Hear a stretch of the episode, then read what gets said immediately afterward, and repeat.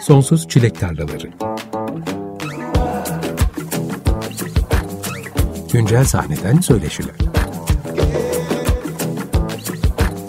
Hazırlayan ve sunan Tuğçe Yapıcı.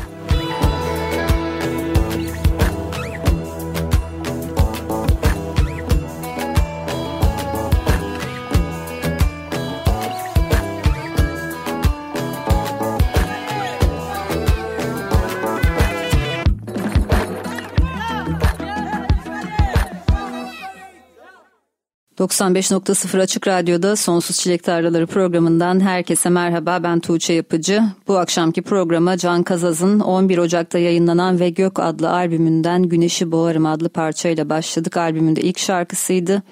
Önümüzdeki bir saat boyunca da bu albümü Can Kazaz'la birlikte dinlemeye devam edeceğiz ve üzerine konuşacağız. Hoş geldin Can. Hoş buldum. Nasılsın? İyi valla işte İstanbul trafik falan derken geldik. Birazcık dinlendin ama geldikten sonra soluklandın. Evet, evet. bir yarım saattir dinleniyorum radyonun güzel ortamında. Onun dışında soracak olursan da ki sor, onu sordun zaten aslında. İyiyim. Aslında kaç senedir görüşmedik düşününce. Evet bir pandemiden sonra her şeyi uzaktan evet, yapmış olduk. Her şeyi uzaktan yaptık. İki defa programa konuk oldun ama hep Zoom'dan Hı. yapmıştık kayıtları.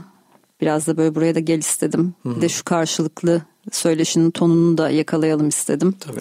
Ama üzerimde inanılmaz bir rahatlık var. Seni çok uzun zamandır tanımanın rahatlığı herhalde. Hı-hı. Normalde tamamen anksiyete benim için programlar.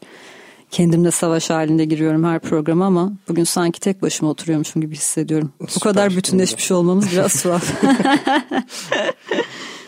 Bu sene Açık Radyo'da 5. konuk edişimmiş. Hala rekor sende ve bunun Hadi böyle ya. olmasından çok memnunum. Hiç şikayetim yok. Çünkü bu senin durmadan ürettiğin anlamına geliyor. Bugün 9. albümünle buradasın. Öyle miyim? Geçen sefer fazladır. 8 demiştik ve Toprak Şeydir, için.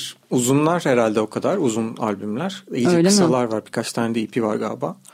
Ee, öyle olunca bir 10-11 oluyor galiba. Ben de artık Sen de sayısını bilmiyorsun. Aslında bir önceki albümün 2022'de çıkmıştı. Programa da en son o zaman gelmiştin ama 2022'nin Aralık ayıydı. Hı-hı. O yüzden aslında iki albüm arasında bir sene gibi kısa bir süre olduğunu söyleyebiliriz. 13 ay sonra yeni bir albümle geldin. Bu defa stüdyodayız. Canlı yayındayız. Nasıl bir sene geçirdin? 2023 nasıldı senin için? Çok yoğun çalıştın galiba. Evet 2023 hayatımın en durmaksızın çalıştığım senesi diyeyim. Yani iyi bir sene. O anlamda insan yani benim mutlu eden bir şey e, çalışır olmak. E, ama hani birazcık kapasitemin üzerine çıkmış olabilirim. En sonunda yılın tam yılı kapatırken klasik benim bir hastalığım vardır. Her şeyi böyle e, bir şeyler bir noktaya gelir biter bazı işler ve böyle bir hastalanırım ben bir hafta. Ee, yine onu yaşadım. O zamana o, kadar vücut direniyor sonra direniyor. bağışıklık sistemi çöküyor. Evet bir anda böyle bir iptal olma durumu vardı. O e, bir, bu sefer biraz psikolojimi de sarstı yani. E, yani yazık ya kendime niye bunları yapıyorum gibi bir e, moda geçtim. E, ve bir yandan bir sürü yani sevdiklerimle vakit, vakit geçirmekle alakalı da beni e, benden aldı işler. E, işler dediğimde işte aslında bu albümü yap, yapıyordum. Ama onun dışında e, işte kendi yani başka prodüksiyonlar yapıyorum. Onlarla e, vakit geçirdim falan. E, konserler var zaten. Bir yandan e, yüksek lisansımı artık tamamlama kıyısına geldim. Ufak ufak onun devam ediyorum. E, hepsi birden çok ciddi yani daha kapasitemin üzerinde zaten, vakit evet. alıyordu. Evet.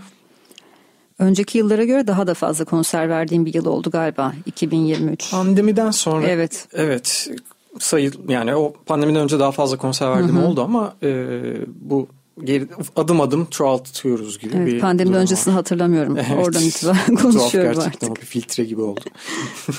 Geçen programa geldiğinde bir şarkı yazamama yanılsaması yaşadığından bahsetmiştin hı hı. ve Toprak albümünden önce. Sonra bir şekilde elindeki notlara, telefondaki kayıtlara baktığında aslında bir albümlük şarkı olduğunu elinde fark hı hı. ettiğini söylemiştin. Bu albümden sonra da yine bir söyleşide aynı şeyi söylediğini duydum. ne demiştim?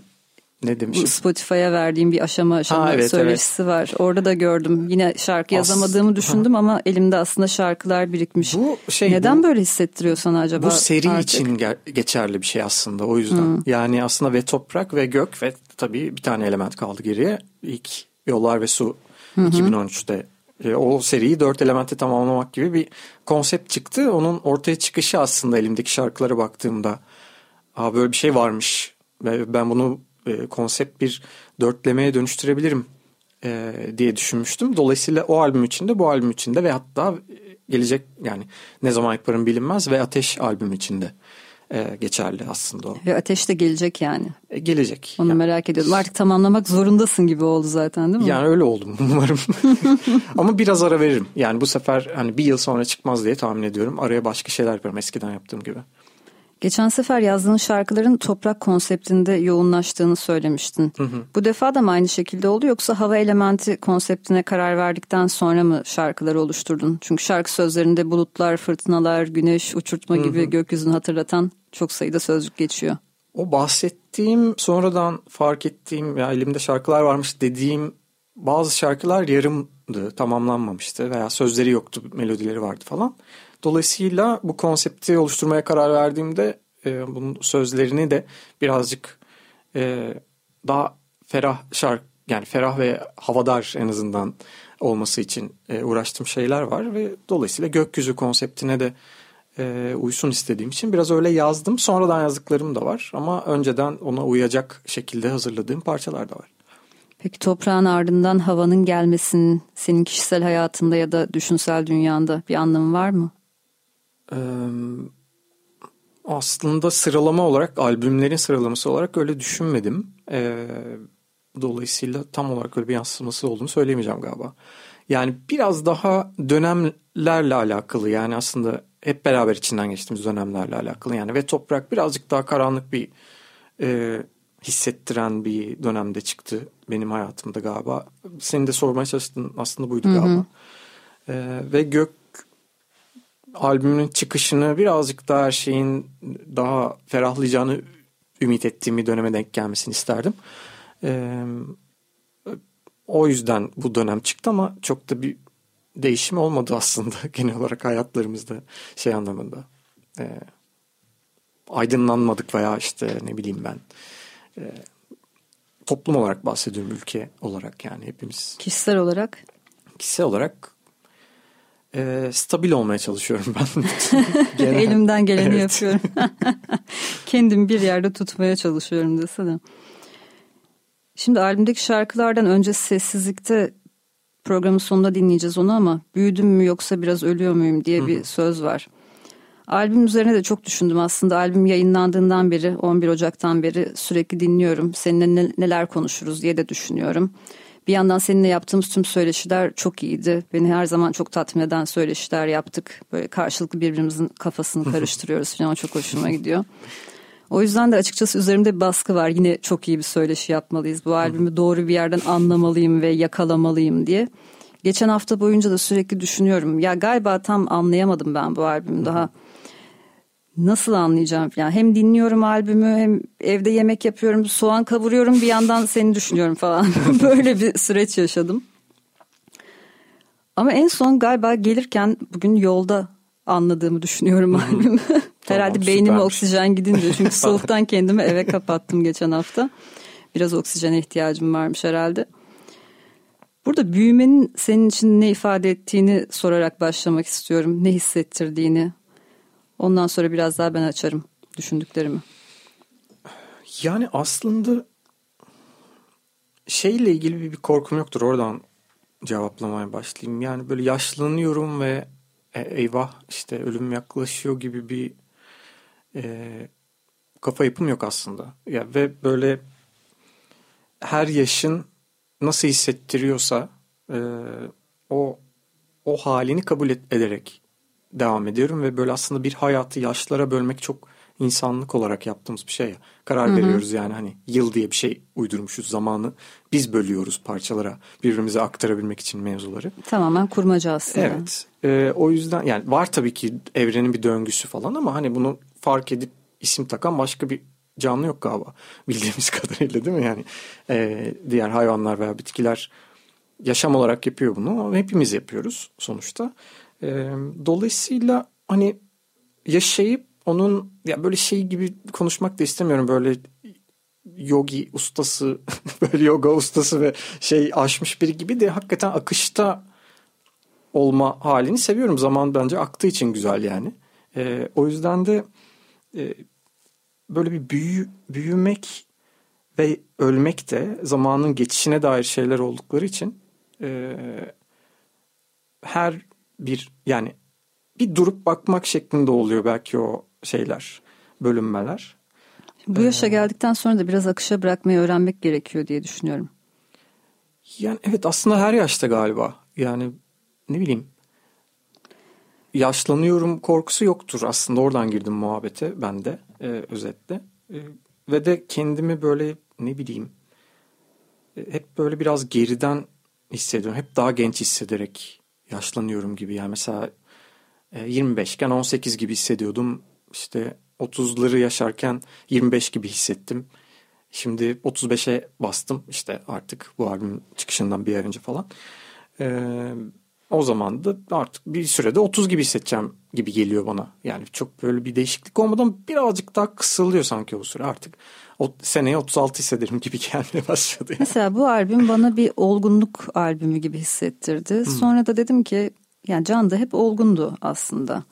Bizim gibi biraz böyle vaktinden önce olgunlaşmış ya da olgunlaşmak durumunda kalmış insanların da orta yaştaki sorgulamaları tamam galiba çok didikledim her şeyi. Biraz akışına mı bıraksam? Artık bir göğe dönsem de nerelerden bir nefes bulsam da alsam noktasına gelmiş gibi hissediyorum.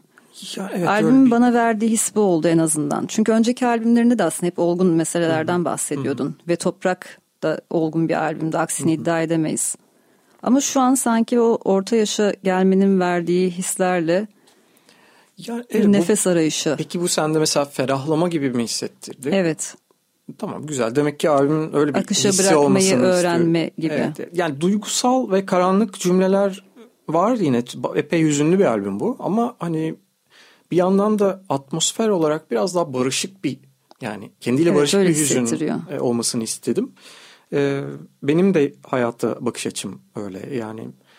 E, ama bir takım sorular aslında soru ve benim de cevaplayabileceğim e, sorular değil henüz aslında üzerine düşünme düşünmek için e, belki başkaları da düşünüyordur diye yazdığım bir soru mesela yani büyüdüm mü yoksa biraz ölüyor muyum? Yani biraz ölmek ne demek ki zaten hani bir yandan düşününce e, yani adım adım ölüyoruz aslında yani ölüme yaklaşıyoruz. Ölüm dediğimiz şey tek olan biten bir şey tek seferde olan bir şey gibi bir yandan. Ee, o ölüyor gibi hissettiren şey ne olabilir sana acaba? Yani ya işte o büyüdükçe aslında bir böyle parça parça azalıyorsun o gençlikten uzaklaşıyorsun. Çocukluktan daha da uzaklaşıyorsun falan. Biraz o, o galiba yani içinde bir şeyler ölüyordur gibi bir klişe vardır ya yani. Hı hı. Biraz onunla ben geçen sene İlber Ortaylı'nın bir Nehir Söyleşi kitabını okumuştum. Hı hı. İnsan geleceği nasıl kurar galiba. Şimdi geldi aklıma yoksa hatırlamak için bakardım kitabın ismini ama öyle olması lazım. Şöyle bir şeyden bahsediyordu.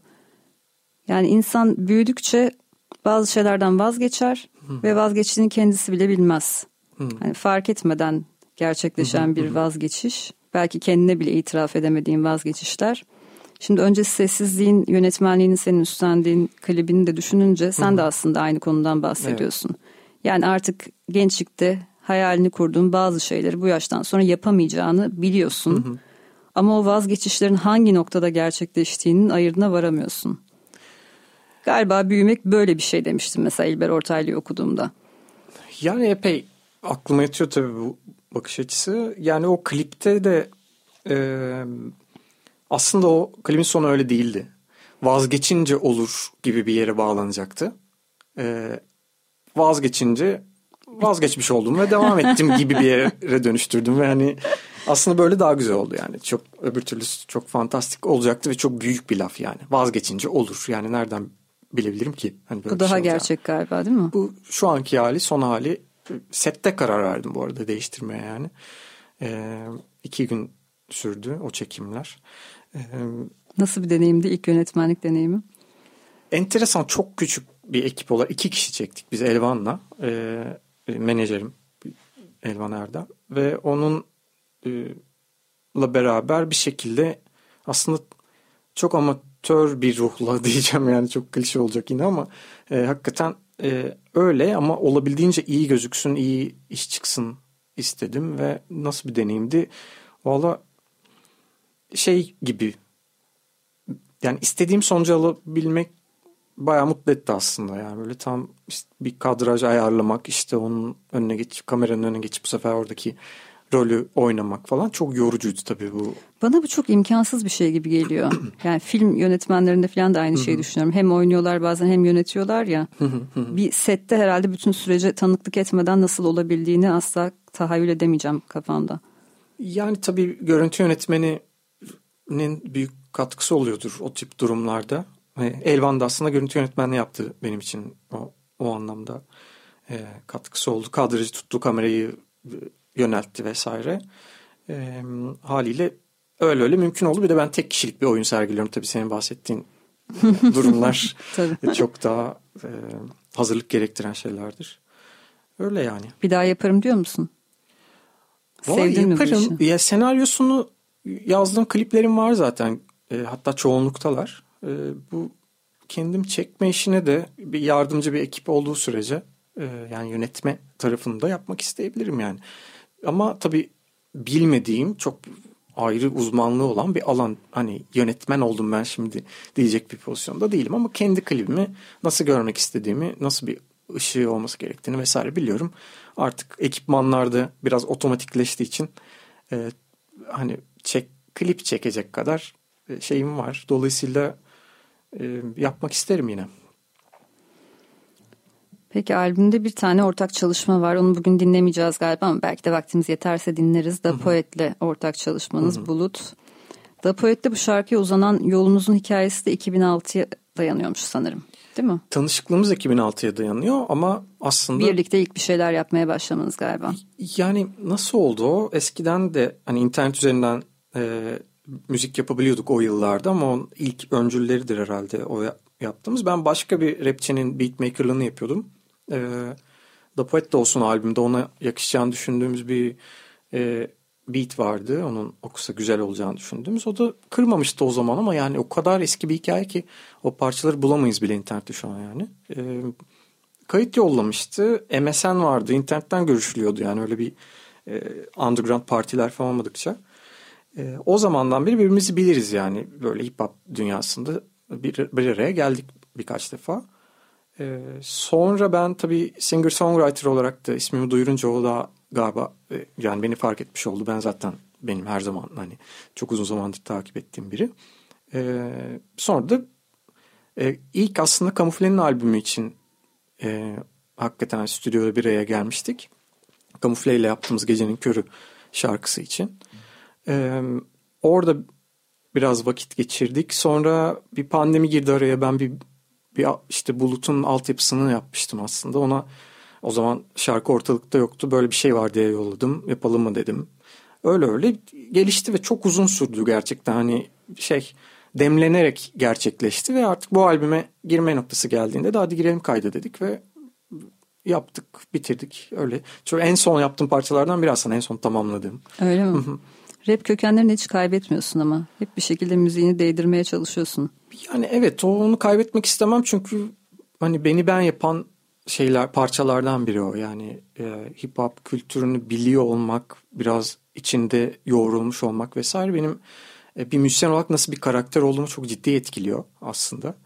E, müziğe yaklaşımımı, müzikte olan ilişkimi vesaire yani bayağı belirleyen bir şey. O benim bir parçam ondan vazgeçmem ölene kadar muhtemelen. Senin solo projen düşününce tabii çok ayrıksı geliyor rap müzikle. Hı. Aslında bu kökenlerini bilmeme rağmen hala Can Kazaz'la rap müziği kafamda yan yana getiremiyorum Hı. nedense. Ama dinlediğimde de ne kadar doğru bir yerden yakaladığını görebiliyorum. yani Kızılgerden albümünde aslında bayağı bir R&B'ye kaydı sound olarak. Yine kendi stilimde müzik yapıyordum. Hani e, var yani öyle bir şeyim ama anlıyorum tabii şeyi. Yani tam da çünkü güncel rap'in içerikleriyle benim yaptığım parçaların içerikleri çoğunluğuyla uymuyor. Daha ama nitelikli rap parçalar var tabii hani şey anlamında, içerik anlamında. Dolu. Belki seni kişisel olarak tanıdığım için kafamda oturtamıyor olabilirim. Karakter olarak.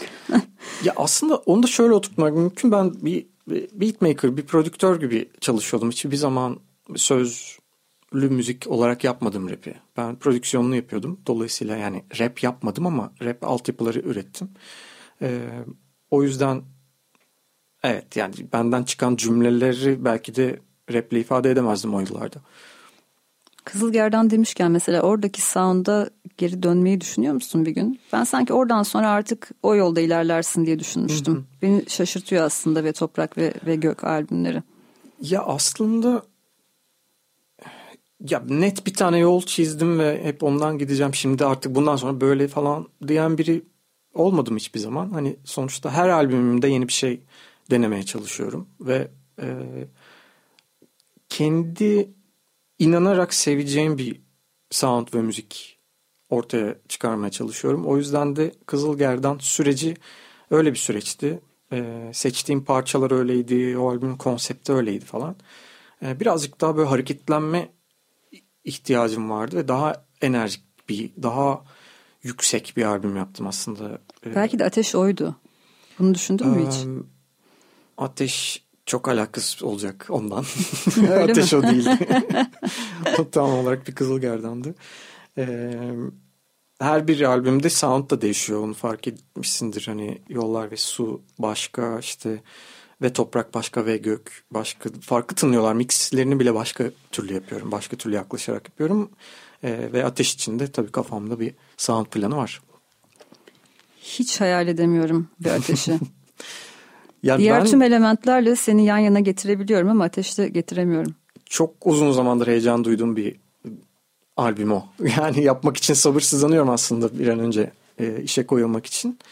E, ama dediğim gibi biraz daha dem, demlendikçe yeni fikirler gelmeye başlıyor aklıma ve böyle daha da oturuyor. Bir yandan dünyada çok güzel işler çıkıyor falan. Onları da takip ederek böyle bir karara doğru şey oluyorum, süzülüyorum aslında ortaya çıkan şarkılar ya da en azından kesitler var mı elinde? Var var şarkıların tamamı var neredeyse. Öyle yani mi? şarkılar bitmiş durumda. Şu an tamamen prodüksiyona geçme noktasında bekliyorlar beni. Bayılıyorum böyle müzisyenlere. bir albümü konuşmak için geliyorlar. Sonraki albüm hazır kenarda. Biraz ondan bahsediyoruz falan. en sevdiğim. Bir şarkım dinlesek o zaman. Hatta Tabii. iki şarkım dinlesek. Hazır ara vermişken albümden ve Gök albümünden Can Kazaz'ın Biz Göğe Değeriz ve hemen ardından da Kaçsam Bırakıp dinleyelim. Sonrasında tekrar Can'la beraber buradayız. Açık Radyo'da Sonsuz Çilek Tarlaları programı devam ediyor. Bu akşam Can Kazaz'la beraberiz. 11 Ocak'ta yayınlanan ve Gök albümünden şarkılar dinliyoruz. Biz Göğe Değeriz ve Kaçsam Bırakıp dinledik. Şarkı arasında da Kaçsam Bırakıp'tan biraz bahsettik. Kimin eseriydi Can? Ee, Mehveş Hanım'ın Nihavent şarkısı diye geçiyor. Ee, ben ilk Deniz Kızı Efterya'dan dinledim. Ama sonra işte yani zaten Zeki Müren de söylemiş. Ee, bir sürü yeni e, daha yeni hayatta olan insanlar da seslendirmişler. Çok sevdiğim bir parçaydı ve e, bayağıdır düşünüyordum yapmayı. Bunu böyle iyice o böyle havadar bir atmosfere e, kavuşturup yorumlamak istiyordum. Bu albüme o sayede girmiş oldu. Ha, senin olduğuna çok inanmıştım. Sözlerini sanki sen yazmışsın gibi senden de çıkabilecek Çok ben sözler. yazmışım gibi zaten. Evet. O yüzden de sahiplendim aslında birazcık. Ben gayet cahilce az önce sana neyse söyleyeyim bari. Bu dedim eski bir Türk sanat musikisi eseri gibi resmen dedim. Öyle zaten canda. Tembellik etmişim önceden araştırmayıp. Ama gerçekten albüm bütünlüğü içerisinde senin olduğuna ve o sözleri de senin yazdığına inanmıştım. Bakma gereği duymamıştım. Şimdi albümün davul ve cello hariç tüm enstrümanlarını sen çalmışsın. Evet. Geçen sefer bas da hariçti. Bu sefer bası da çalmışsın. Giderek Aynen artıyor. Evet. Ne Düşünüyorum olacak? ben benim de kafam karışıyor artık böyle hani neleri çaldım birini atlamayayım diye e, panikledim bir an ama evet öyle oldu. Davulları Mertcan Begin çaldı yine her zamanki gibi.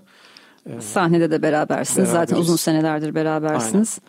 Aynen. E, Davulu ele almıyorsun. Onu bırakıyorsun. Ele almıyorum. Onu da Mertcan çalsın diyorsun. Evet yani hiçbir pratiğim yok benim davula dair ve hiçbir zaman kurcalamadım. Yani davul çalmayı öğrenmeye çalışmadım bile. Ee, ve mükemmel çalan bir insan varken de hani ihtiyaç duymadım ama gitar bazlı, gitar gibi kullanılabilen enstrümanları e, çalabiliyorum. E, hani bir basçı değilim ama hani e, kendime yetecek kadar bas gitar da çaldım bu albümde. E, sahnede tabii yine işin uzmanına devrediyorum mevzuyu. E, onun dışında zaten bütün o telli enstrümanlar ve tuşlular e, çaldığım enstrümanlar ve, ve o şekilde devam ed- yaptım yani öyle kaydettim evet. Cello'yu da Mehmet Gökhan Bağcı'ya Aynen öyle. O emanet da etmişsin. Cello virtüözüdür zaten. Sizin başka çalışmalarınız da var ama. Var. Hatta sen geçen sene solo cello için bir beste yazmışsın. Doğru. Geçen onu yorumlamış galiba. Pandemide yazıldı ama geçen sene çıktı. Ee, aslında Gökhan'la ilk yaptığımız şey ikimizin de öğrencilik dönemine denk gelen bir e, bir şeydi yani akademik bir eser yazmıştım. Onu da e, Süreyya'da seslendirmişlerdi Cem Öner Türk'le beraber o da flütçü. Yani bir cello ve flüt için yazdım. Pan ve Strings adında e, bir beste vardı. E, öğrencilik yıllarında ilk öyle yaptık ama ta yani Kapadokya'da Klasik Keyifler denen bir e, şey vardır, organizasyon vardır. Klasik Keyifler Derneği tarafından yapılır ve orada Besteciler Kazanı diye bir e, organizasyon oluyordu.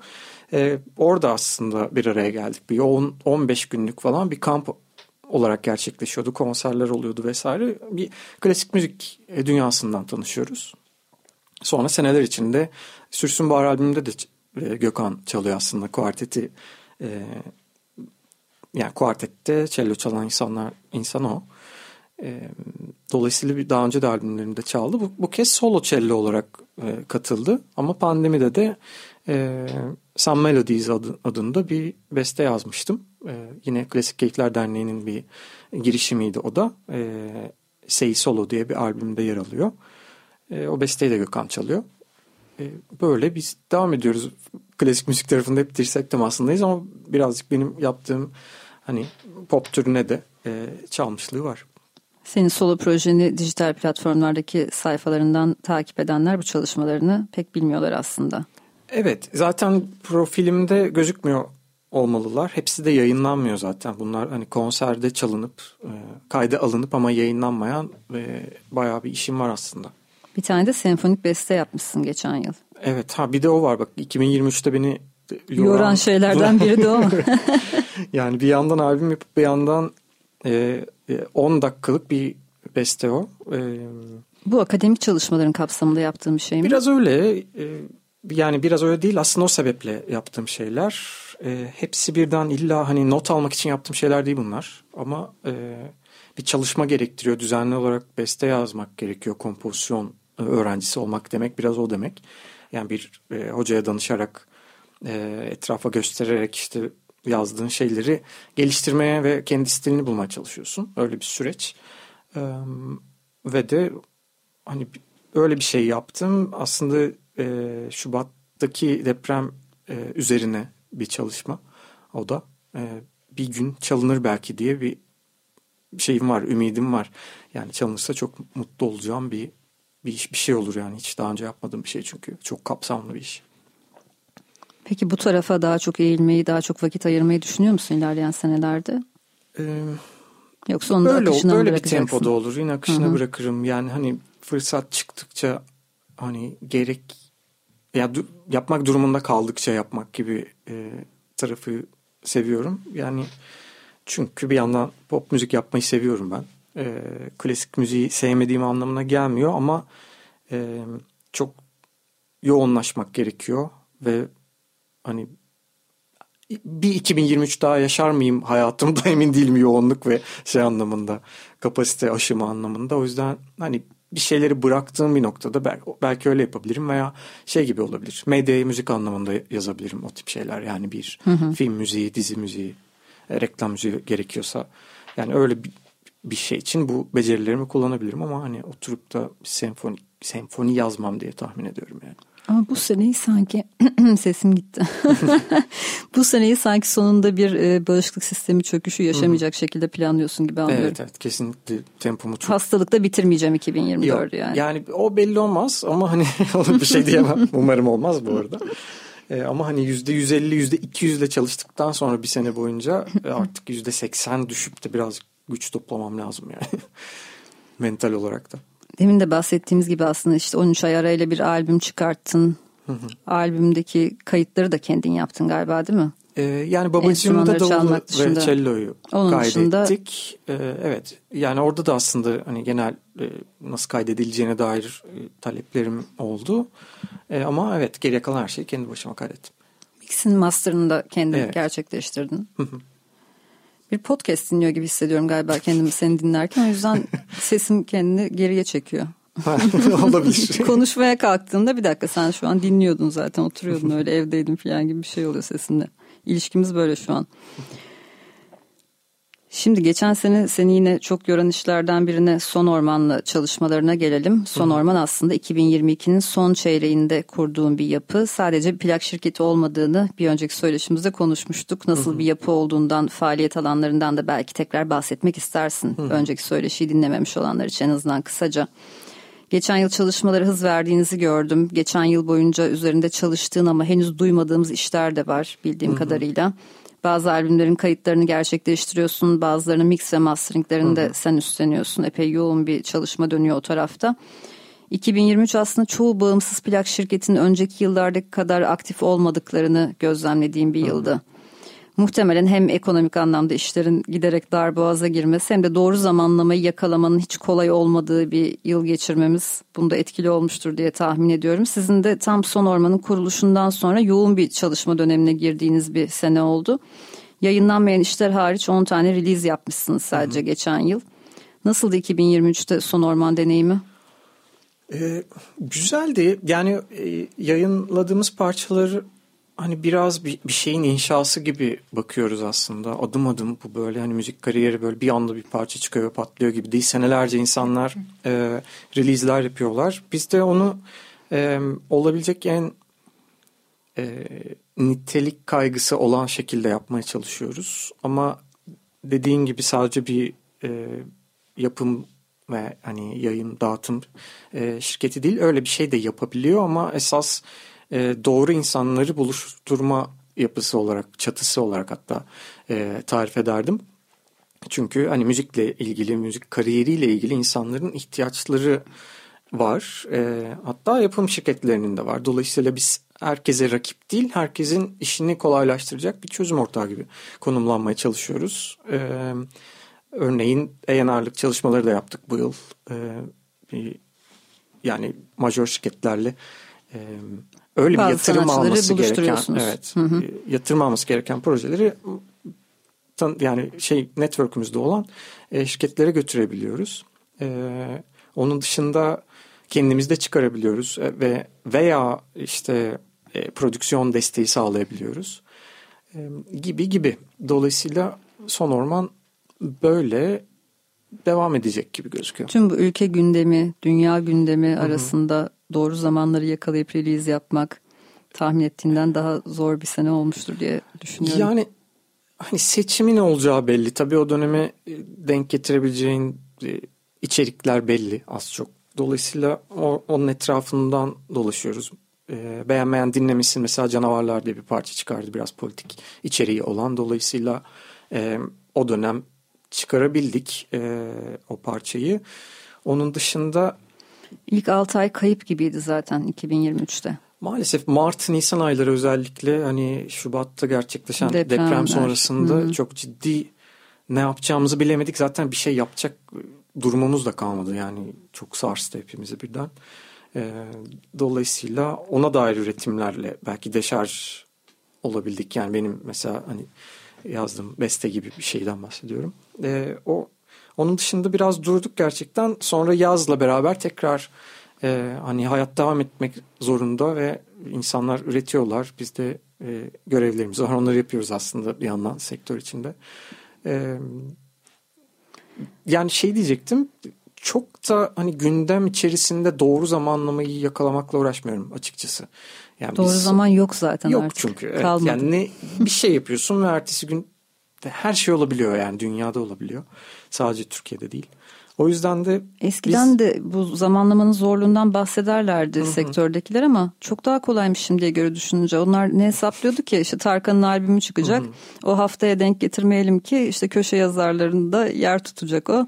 Yani. Şansımız olsun falan. Hı-hı. O günde işte milli bayramlar, dini bayramlar bu kadar yani başka bir şey yoktu ki zaten. Yani yine benzer bir durumlar var aslında platformların tatilde olduğu dönemlere denk getirmek mesela çok doğru olmayabilir. Kimisi için de doğru sıyrılma fırsatı olabiliyor bu arada bu tip şeyler. Dolayısıyla hakikaten bir doğru zaman yok aslında.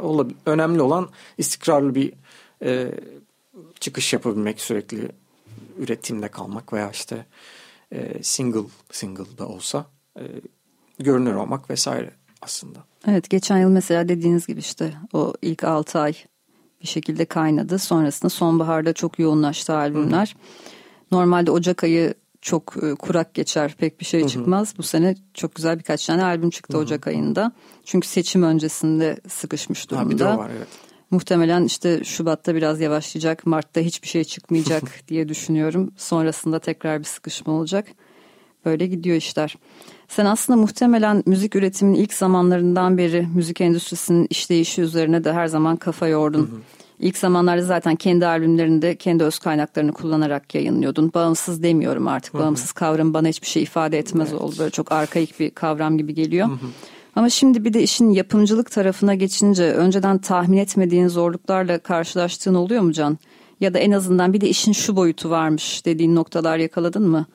O alandaki deneyimlerinde hiç konuşma şansımız olmadı. Evet. Yani yapımcılık tarafında aslında neler olduğunu uzun dediğin gibi uzun zamandır takip ettiğim için e, beklemediğim çok fazla bir şey yok ama e, bu işin yani yapımcılığın da işte aranjörlüğün de hatta e, menajerliğin de en büyük zor, konusu ve zorluğu insan sonuçta.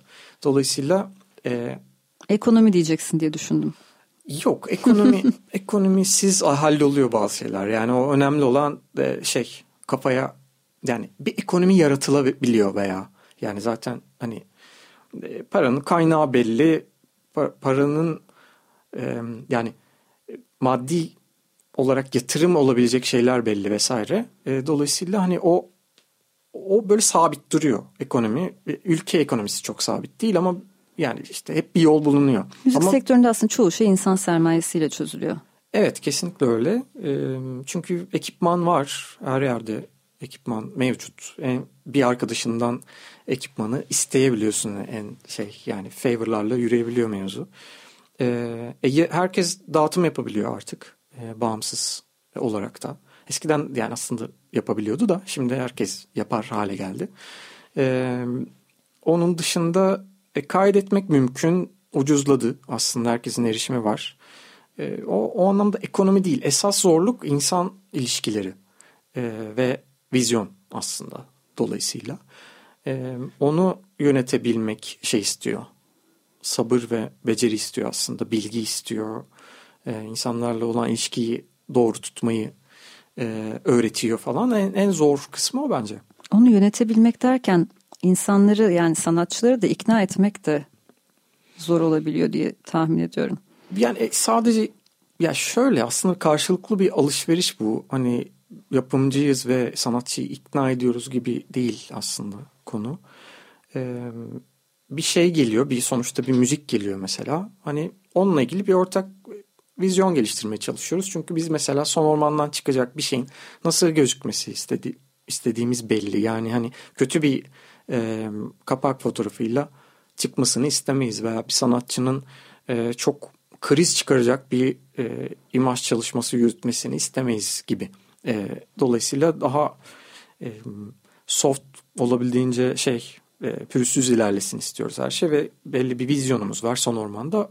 O vizyonla örtüşen sanatçılarla anlaşıyoruz zaten. E, haliyle ama bu, bu tip konularda bir alışveriş süreci oluyor diyeyim. Sanatçı olmak sana büyük bir avantaj sağlıyordur diye düşünüyorum. Sanatçılarla nasıl iletişim kurulması gerektiğini bilmen anlamında. Yani sağlamıyor çünkü ben kendimle öyle bir diyalogdayım. Başkası bambaşka biri ve herkes kendine has. Dolayısıyla e, herkesle ayrı yeniden sıfırdan bir iletişim, iletişim. geliştirmek Hı-hı. gerekiyor. E, ben sadece e, biri negatif bir tepki veriyorsa onun negatif e, tepki verme motivasyonlarını daha kolay anlıyorum evet. diyebilirim. E, Çünkü sen de bir plak şirketiyle çalışıyorsun. Aynen öyle. Ya bir, bir neye sanatçının, direniş gösterdiğini biliyorsun. Neye sevinip neye üzüleceğini tahmin ed yani yaşadığım için e, birebir olarak tahmin edebiliyorum yani. E, dolayısıyla birazcık daha anlayışlı bir belki yapı olmamızı sağlıyordur Sonorma. Senin için en zor kısmı bu mu yani? evet insan. ya bu arada tarım da yapsam en zor kısmı insan. Yani insan birlikte yapılan şey bir ekip halinde yapılması gereken şeylerin en büyük zorluğu bir numarada e, insan. Çünkü hani insan kaynakları meselesinde de hani bir iş ilanına baktığında hep orada bir ekip çalışmasına uygun olmak falan diye bir madde vardır yani iş ilanlarında. hani biraz öyle bir şeye değiniyor aslında herkes birlikte iş yapmaya çalışan herkes yani. Tarımda takılı kaldım. Aklım orada kaldı. Çünkü doğa var ya arada. Hmm. Bizim çok kopuk olduğumuz ve büyük bir bilmiyorum birlikte akamadığımızda savaşa girdiğimiz bir şey gibi geliyor bana doğa. O yüzden doğa varken yine insanın arada sorun e, olması. E, tabii tabii evet, aslında takıldım. tarımda da doğayla uyum oranına bağlı olarak insanlar arası uyum gerçekleşiyor bir yandan. Can şimdi programın sonuna yaklaşırken şuradan bağlayacağım şunu merak ediyorum. Tabii programı hazırlanırken bol bol düşündüm yine. Hem seni hem de senin müziğini neden bu kadar çok sevdiğimi düşündüm geçen Hı. hafta boyunca. Seninle neredeyse aynı yaştayız. Bir yaş farkımız var galiba. Ülkedeki birçok gelişmeyi, birçok dönemi beraber yaşadık Hı. dolayısıyla. Aynı konulara kafa yorduk, aynı şeyleri dert ettik. Hem hayata dair, hem müzik sektörüne dair, hem ülke gündemine dair.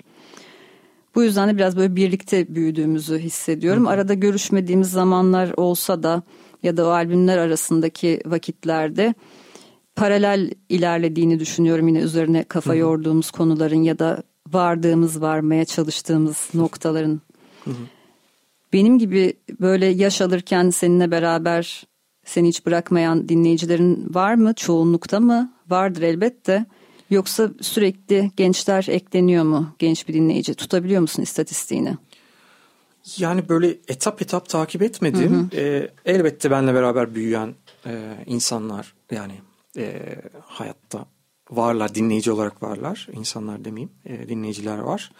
E, ve yeni nesilde eklenmeye devam ediyor. E, ama ya şöyle kariyerde belli bir çapa çepere ulaştığı için aslında bir bütün e, kataloğumla beraber vesaire bütün yaptığım müziklerle diskografiyle e, daha büyük bir e, veri var ortalıkta. Haliyle böyle hani şu kadarı e, tamamen genç nesildir, şu kadarı değildir, ne kadar kalmıştır, ne kadar gitmiştir çok e, bilemiyorum ama hani böyle herkesin de erişebildiği bir veri olarak işte o aylık dinleyici sayısı hı hı. E, Spotify'da görünür bir şey. O hiçbir zaman azalmıyor. Ben üretim yaptıkça o 450 bin 650 bin arasında dalgalanan ee, ama çok yavaş bir dalgalanmadan bahsediyorum. Yani böyle bir, bir gün patlıyor ve düşüyor gibi değil de e, öyle e, salınan bir grafik var. Bu da bir şey anlamına geliyor herhalde. Hem yeniler gelmeye devam ediyor. Yeni dinleyiciler, genç dinleyiciler hem de e, bir yani listelerinde olduğum insanlar da az değiller gibi. Belki sosyal medya etkileşimlerinden daha rahat takip edilebilir hmm. o durum. Yani o da bir o bence en yalan gösterge. Müziğe dair bir şey değil çünkü. Yani o sosyal medyada ilgi çekmiyorum ama benim e, dinleyici sayılarım değişmiyor mesela. Yani girip sosyal medya sayılarıma bakarsanız çok bir şey ifade etmez ama hani bir yerde kaldı gibi oldu. Ama... Yok sayı değil de iletişim anlamında yazdıkları hmm. yorumlardan belki. Geçen yaz mesela Dolu Kadehi Ters Tut gelmişti bir örnek vereyim belki daha iyi hmm. anlatabilirim derdimi. Onların da artık kaçıncı albümleri oldu? Beş herhalde beş albüm çıkarttılar ilk albümlerini ve ilk albümlerdeki şarkıları hiç bilmeyen bir dinleyici kitlesi olmaya başlamış. Hmm. Sadece mesela son albüm biliyor, sondan bir önceki albüm biliyor ve diyor ki Aa, şöyle de bir şarkınız varmış keşfettim. O noktada biz artık galiba eski bir grup olmaya başladık hissini yaşamışlar. E, yani e, ben de öyle değil. E, en eski şarkılar hala konserlerde talep edilebiliyor. Birazcık daha kalıcı olmasıyla alakalı olabilir belki yani bilmiyorum hani Dolu Kadeh'in Yok yaptığı... bir karşılaştırma yapmıyoruz evet, zaten evet. şu an. Öyle bir kıyaslama değil. Ee, yani şey o aslında yeni yaptıkları eserleri muhtemelen daha bilinir, görünür ve hit olmasıyla alakalı da olabilir. Ee, dolayısıyla hani bu böyle bir denge var. Ben de hep aynı e, seviyede tuttu parçalar gibi oldu. Sadece dinleyici sayısı arttı yani. Bakalım bundan sonra ne olacak? Bakalım. Ve Gök albümünü dinledik bugün Can Kazaz'da. Albümden tabii ki birkaç parça dinledik. Ben yine süreyi unutmuşum. Can'la sohbete dalmışım. Sanki öyle hiçbir programda değilmişiz de herhangi bir akşam oturmuşuz sohbet ediyormuşuz gibi masadan yapılan işaretlerle şu anda gerçeğe aymış bulunuyorum. Programı önce sessizlik parçasıyla kapatacağız. Can çok teşekkür ederim. Programdan önce kapının önünde biraz durdum. Sonra dediler ki bana ekipten ya bu soğukta ne kadar çok durdun kapının önünde.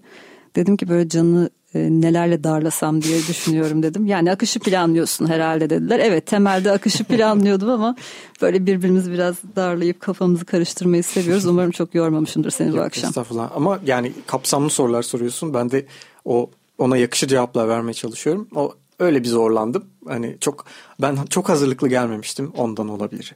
Sadece aktığı gibi olsun istiyorum. Yani ben, şu ben gün de. şu saatte burada ne çıkıyorsa olsun istiyorum. Çok teşekkürler ben tekrar. Ben teşekkür ederim. Umarım tekrar yakın zamanda buluşacağız Açık Radyo'da Can Kazaz'da. Şimdi dediğim gibi önce Sessizlik adlı parçasıyla ve Gök albümünden sizlere veda ediyoruz. Gelecek hafta Şenceylik'le beraberiz.